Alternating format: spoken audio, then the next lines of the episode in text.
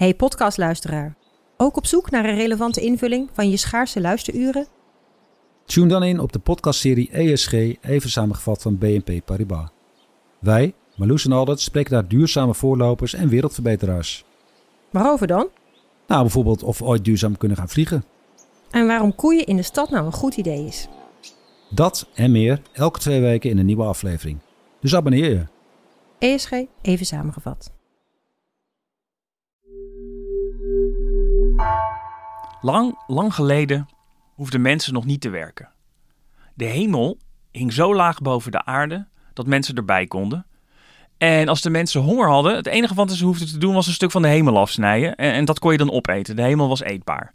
De hemel zei er wel bij, uh, alles goed en wel. Jullie mogen stukken van mij afsnijden om op te eten. Maar ik wil niet op de vuilnisbelt belanden. Dus je mag nooit meer afsnijden dan je op kan. Nou, dat ging een hele tijd uh, goed. Uh, totdat er op een gegeven moment een hele gulzige vrouw was. En die sneed een enorm stuk van de hemel af. En uh, ze at en at, maar ze kreeg het niet op. Het was echt te veel. Dus uh, zij naar haar man toe. heb jij nog honger? Nee, die had geen honger, want die had al genoeg gegeten.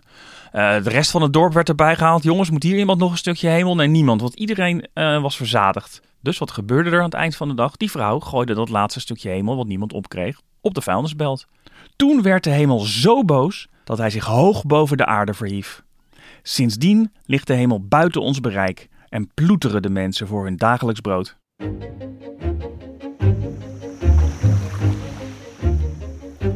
Welkom. Wij zijn Onbehaarde Apen. Dit is een zomerpodcast van NRC over het begin.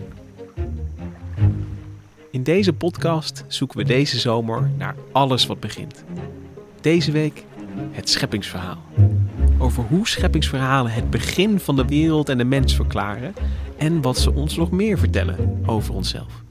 Mijn naam is Lucas Brouwers en jullie hoorden zojuist een verhaal voorgelezen door Bart Funnekotter.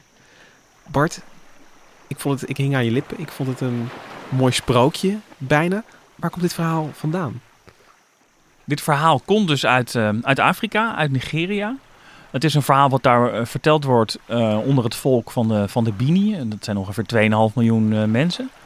En dat verhaal wordt van generatie op generatie overgeleverd. En ik, ik ben daar nooit zelf geweest. Ik put hier niet uit eigen ervaring. Maar dit verhaal is opgehaald door Mineke Schippers. Hij is emeritus hoogleraar vergelijkende literatuurwetenschap aan de Universiteit Leiden. En zij heeft een boek geschreven waarin ze al dit soort verhalen over het begin van de wereld en het begin van de mensheid, scheppingsverhalen, scheppingsmythen, uh, bij elkaar brengt uh, uh, en onderzoekt. En als je dan dit verhaal van de Bini over, over die hemel die, die je kunt opeten, dat even op zichzelf beschouwt, wat, wat kunnen we daar dan al aan zien? wat dit een, een echt scheppingsverhaal maakt. Het maakt een scheppingsverhaal omdat het verklaart waarom de wereld is zoals die is.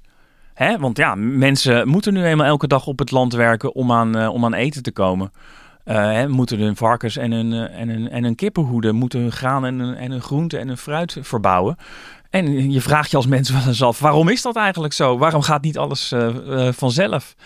En om, dat, om dat soort vragen te beantwoorden, dit is een basale vraag. Een basale vraag is natuurlijk ook, waarvoor zijn we er überhaupt als mens? zijn er dit soort in alle culturen over de hele wereld dit soort scheppingsverhalen, dit soort scheppingsmythen ontstaan. En mythen en verhalen zijn, uh, uh, elke mythe is een verhaal, maar niet elk verhaal is een mythe. Een mythe is een verhaal dat antwoord geeft op dit soort hele fundamentele levensvragen. En uh, ja, die zijn er dus, elk volk, elke cultuur heeft zo'n zo'n scheppingsverhaal eigenlijk.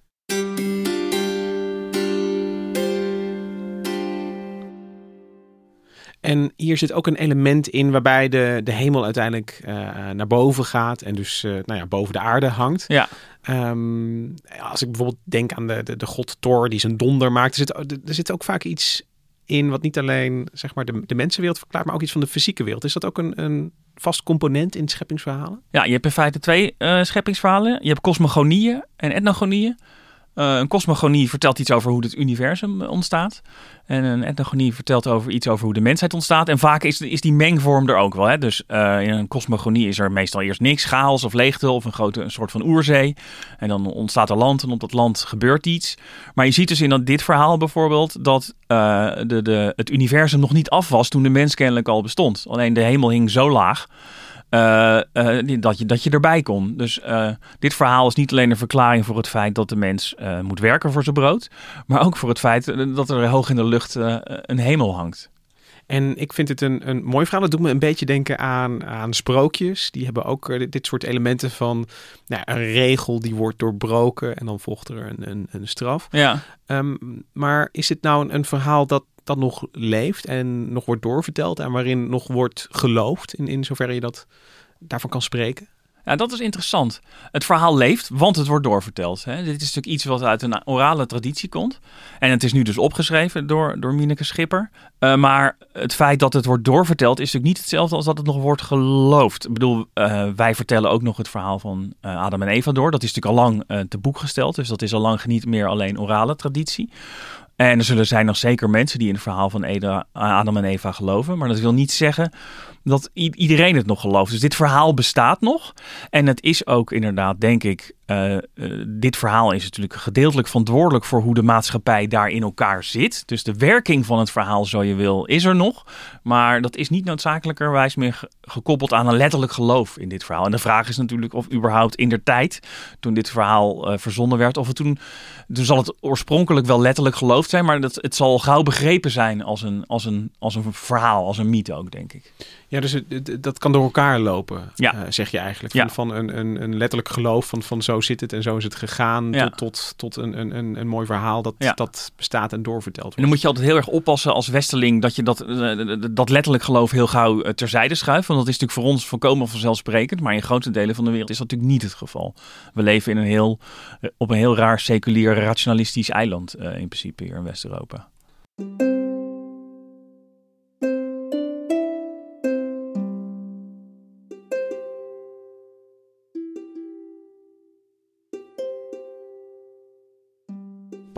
Maar ik, ik vraag me af, hoe gaat een verhalenonderzoeker te werk? Want je hebt hier een, een verhaal van, van de Bini en nou ja, dat, dat kun je keer op keer blijven lezen. Maar op, op, op, ja, het, het, is ook maar het verhaal. Dus, dus hoe, hoe krijg je daar een, een, een, een beter beeld op wat scheppingsverhalen zijn? Uh, door zoveel mogelijk scheppingsverhalen te verzamelen als je kan. Uh, Schipper heeft dat gedaan. Die heeft zelf uh, veldwerk gedaan over de hele, over de hele wereld. Wat je dan dus doet, is dan ga je gewoon uh, het land in. En dan vraag je mensen, goh, wat wordt hier voor scheppingsverhaal verteld? Dus dat is, dat is, dat is één methode. Dus dat, dat is oral, oral history, zo je wil. Voor zover je er bij scheppingsverhalen sprake is van history. Dat is natuurlijk geen geschiedenis, maar een oral tradition die je optekent. Dan zijn er natuurlijk scheppingsverhalen die... Uh, vrij snel zijn opgetekend na hun ontstaan, of relatief snel na hun ontstaan. Dan hebben we het dus over dingen als het Oude Testament, hè, het scheppingsverhaal van, van Adam en Eva. En dan heb je scheppingsverhalen die, zou ik maar zeggen, achteraf gereconstrueerd zijn door geïnteresseerden. En dan moet je bijvoorbeeld denken aan de scheppingsverhalen van, die de Germanen en de Vikingen aan elkaar vertelden. Vanaf, vanaf uh, het begin van onze jaartelling, of misschien, wel de, of misschien wel daarvoor, tot in de Vikingtijd, 9e, 10e eeuw. En die zijn dus bijvoorbeeld opgetekend door een middeleeuwse wetenschapper in de, in de 12e eeuw. Uh, en het probleem daarmee is dat het, dat het natuurlijk dan een heel christelijk sausje over die scheppingsverhalen heen komt te liggen. Maar dat zijn dus de drie soorten scheppingsverhalen. Mensen, scheppingsverhalen die worden opgeschreven door de mensen die ze zelf vertellen. Uh, een orale traditie die, die nu door een wetenschapper wordt opgetekend. En scheppingsverhalen die honderden jaren na hun ontstaan door uh, geïnteresseerde uh, onderzoekers zijn opgetekend, maar ook alweer lang in het verleden. Waardoor je daar dus een hele methodiek op los moet laten om uh, de, de, verteller en het verhaal dat hij zegt op te tekenen uit elkaar halen. Ik kan me voorstellen dat je als je verhaal op deze manier onderzoekt, dat je dan heel goed bewust moet zijn van mogelijke verstoringen en, en vervuilingen. Want je, je noemde al dat, dat als een, een, ja, een, een christen dat in de 12e eeuw optekent, dat, dat hij daar misschien iets met de tekst gedaan heeft. Ja. En ik vraag me af, als je nu het veldwerk gaat doen, uh, kun je dan kun je ook biases tegenkomen. Zeker. De, de, misschien zijn de mensen die de verhalen vertellen gewoon vaker man. En heeft, kan dat bijvoorbeeld een invloed hebben op uh, het verhaal dat je dan ophaalt? Dat, uh, dat als je nou ja, naar, naar de dorpsoudste wordt gewezen, ja. uh, dat, dat, dat dat een man blijkt te zijn. En, en dat er daardoor verhalen die bijvoorbeeld circuleren onder vrouwen minder snel tegenkomt? Nou, het, het, grappige is, ik sprak daar met, met Mineke Schipper uh, over. En die heeft ook eh, die sprak daar ook met vrouwelijke collega's en, en die vertelde dezelfde verhalen. Ze vertelde trouwens ook dat als die vrouwelijke collega's dus een groepen vrouwen onder, onder elkaar een keer lol wilden hebben, dan namen ze zo'n uh, scheppingsverhaal en zetten ze het op hun kop. Uh, en dus dan, dan was de, de, de vrouw in alles de baas en de man deed alles fout. En dus, dat, dus er wordt ook wel gespeeld met dat soort verhalen. Maar die, die, vrouwen aan wie ze dat dan, die, die dat vertelden, dat ze die scheppingsverhalen wel eens gewoon voor de lol op hun kop zetten. Die, die, die deden dat in, in, in, in de kennis, terwijl ze wisten dat ze het op hun kop zetten. Dus ze wisten dat het verhaal eigenlijk in het echt, ik maak nu tussen bewegingen met, bewegingen met mijn vingers, anders was. Dus dit soort verhalen zijn wel geïnternaliseerd, zal ik maar zeggen, binnen zo'n maatschappij, onder mannen en, en vrouwen.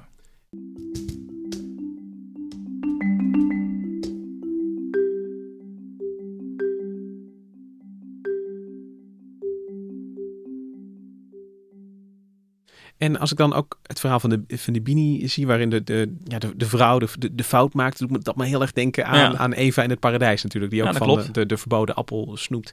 Kun je dan ook zeggen dat um, zo'n verhaal zou kunnen helpen om de status quo in zo'n mannensamenleving zeg maar, te, te verantwoorden of misschien zelfs te, te, te ondersteunen? Ik denk dat verantwoorden het, het juiste woord is. Uh, als je al die verschillende scheppingsmythes naast elkaar legt, wat je dan tegenkomt, is bijna overal uh, de man in bijna alle samenlevingen een dominante positie uh, inneemt. Dat is dus niet iets van de westers-christelijke samenleving of voor mijn part de monotheïstische samenlevingen, de islam en het christendom en het jodendom, waar de, mannelijke rol dominant is. Maar dat is, dus, dat is ook in Oceanië zo en, en ook in Zuid-Amerika en ook, en ook in Afrika. Dus het is kennelijk zo dat in, uh, de meeste, binnen de meeste culturen de man de baas is of speelt, zo je wil. En uh, dat moet dus verklaard worden en, en, verantwoord worden. En uh, hoe kijk, dat is natuurlijk, de reden erom is heel plat. De mens heeft de afgelopen duizenden jaren in een wereld geleefd waar mannelijke kwaliteiten als kracht en, en dergelijke gewoon belangrijk waren. En daardoor kon de man de baas spelen. Maar kennelijk voelde de man zich daar wel een beetje ongemakkelijk bij. Of voelde de cultuur zich er ongemakkelijk bij. Dus daar moest een, een, een verantwoording, een verklaring voor worden gevonden. Nou, die, die is in dat soort scheppingsmythes te vinden. En dat is dus vaak dat een vrouw iets doet uh, waardoor de, de, de mensheid uit het paradijs kukelt en, en moet werken uh, om, aan eten en, uh, om aan eten te komen. En het is hierbij dus elke keer van belang om in de gaten te houden. Die situatie bestond al. Er werd een verhaal opgeplakt dat die situatie verklaarde of rechtvaardigde, zo je wil. Dat verhaal maakte, ging vervolgens deel uitmaken van de cultuur. En zorgde er dus ook voor dat de situatie bleef voortbestaan. Dus scheppingsmythes zijn in wezen um, conservatief van aard. Ze willen dat iets in feite dat iets blijft zoals het is. En dat leidt me dan wel tot de vraag in een wereld die snel verandert. Uh, ja. Op allerlei manieren. Um, hij verandert al, al, uh, al eeuwen heel snel natuurlijk. Want uh, ik bedoel, de globalisering is al ja. een, een, tijd gaande. Verspreiding van het christendom met alternatieve verhalen, ook van de islam. Is er nog plek voor scheppingsverhalen. En dan heb ik het nog niet eens over, zeg maar, de veranderende maatschappijen, waarin die man-vrouw verdeling ja. misschien ook weer helemaal weer op zijn ondersteboven wordt gehouden. Is er nog plek op deze wereld voor dit genre verhalen? Ja. Nou, het grappige is, jij, zegt over, jij begint over die man-vrouw verhoudingen, een veranderende maatschappij. Wat zie je dus nu? Dat in alle in literatuurwetenschappen en uh, cultuurstudies gaan mensen dus die scheppingsverhalen opnieuw lezen. En die gaan ze dan interpreteren vanuit een, een, een sterke vrouwsfiguur. Dus wat er in feite weer gebeurt is. Uh, de maatschappij verandert en het verhaal verandert mee, wordt aangepast. Dus er komt misschien geen nieuw verhaal, maar we gaan nu uh, het Adam en Eva verhaal bij wijze van spreken, gaan we, gaan we Eva in haar kracht zetten. Dus dat is, dat, dat is dus, daar, daar zie je dus in feite dat dat soort scheppingsverhalen spiegelen wat er in de maatschappij gebeurt. Het andere wat je zegt is van hè, we globaliseren razendsnel. Uh, kunnen dit soort verhalen nog wel blijven bestaan? Ik dacht dus zelf toen ik uh, met dit onderzoek begon, dacht ik van nou, dit is een gelopen zaak. Ik als uber rationele, tenminste denk ik dan van mezelf, Westerling, van dit, dit is uit. Maar uh, Mineke Schipper zei, zei dat van. Nee, nee, nee, nee. Juist in een globaliserende wereld gaan mensen heel erg teruggrijpen naar hun wortels. Dat, dat zien we nu al. Dus je, zal, je zal zien dat dat soort verhalen met extra veel kracht verteld gaan worden. En het is juist die bewegelijkheid van die verhalen. De, hun, hun- nou ja, elke verteller heeft opnieuw de kans om een Ja. verhaal naar, naar zijn hand te zetten Ja. bijna.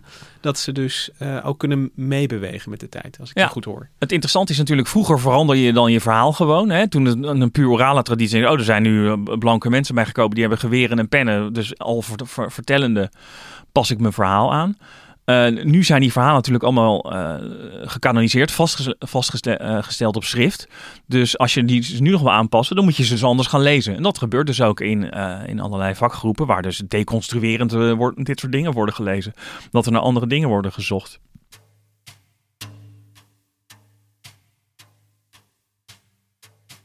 Scheppingsverhalen kunnen veranderen, maar dan vraag ik me nog af, is er, ehm, komen er nieuwe scheppingsverhalen bij? Dus echt hele nieuwe narratieven die we ja, ook op een 21ste eeuwse manier misschien eh, de wereld verklaren.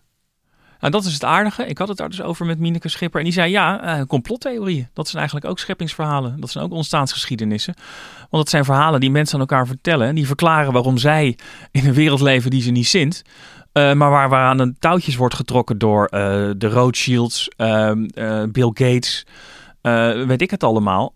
Dat zijn dus ook verhalen waarin je dus, waarmee je die dus vertelt en verklaart waarom de wereld voor- jou in jouw geval er dan dus slecht uitziet.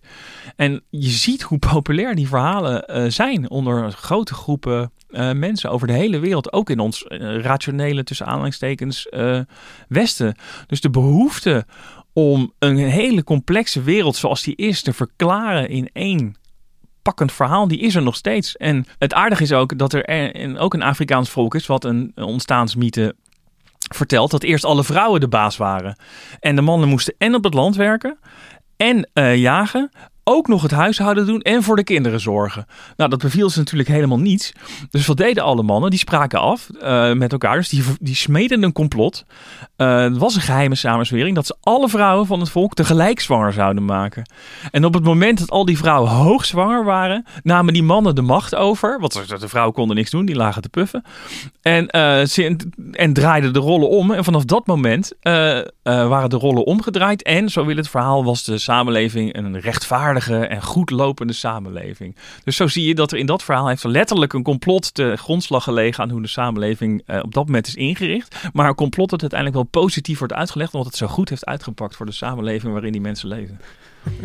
Dankjewel Bart voor dit. Ik, ik ga hier nog heel, heel eventjes op kouwen als je het goed vindt. Dat is goed. Het scheppingsverhaal als complottheorie en, en hoe ze spiegelen, dat is voor mij echt een, een nieuw perspectief. Ik had er zo nog nooit eh, naar gekeken, eerlijk gezegd. Dus eh, ik eh, ga daar nog even lang over nadenken. Dankjewel Graag gedaan. dat je hier kwam vertellen over ja, ontstaansgeschiedenis, scheppingsverhalen, over verhalen over hoe het begon.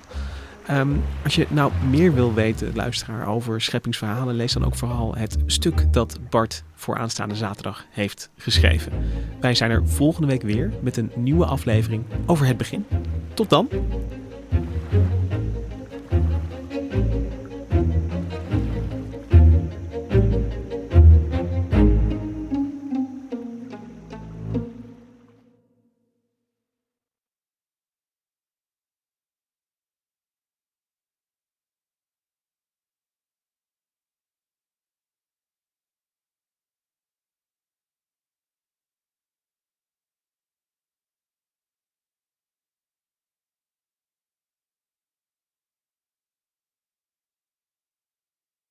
Technologie lijkt tegenwoordig het antwoord op iedere uitdaging. Bij PwC zien we dit anders. Als we de potentie van technologie willen benutten, kunnen we niet zonder een menselijk perspectief. Human-led, tech-powered noemen we dat. Ga naar pwc.nl.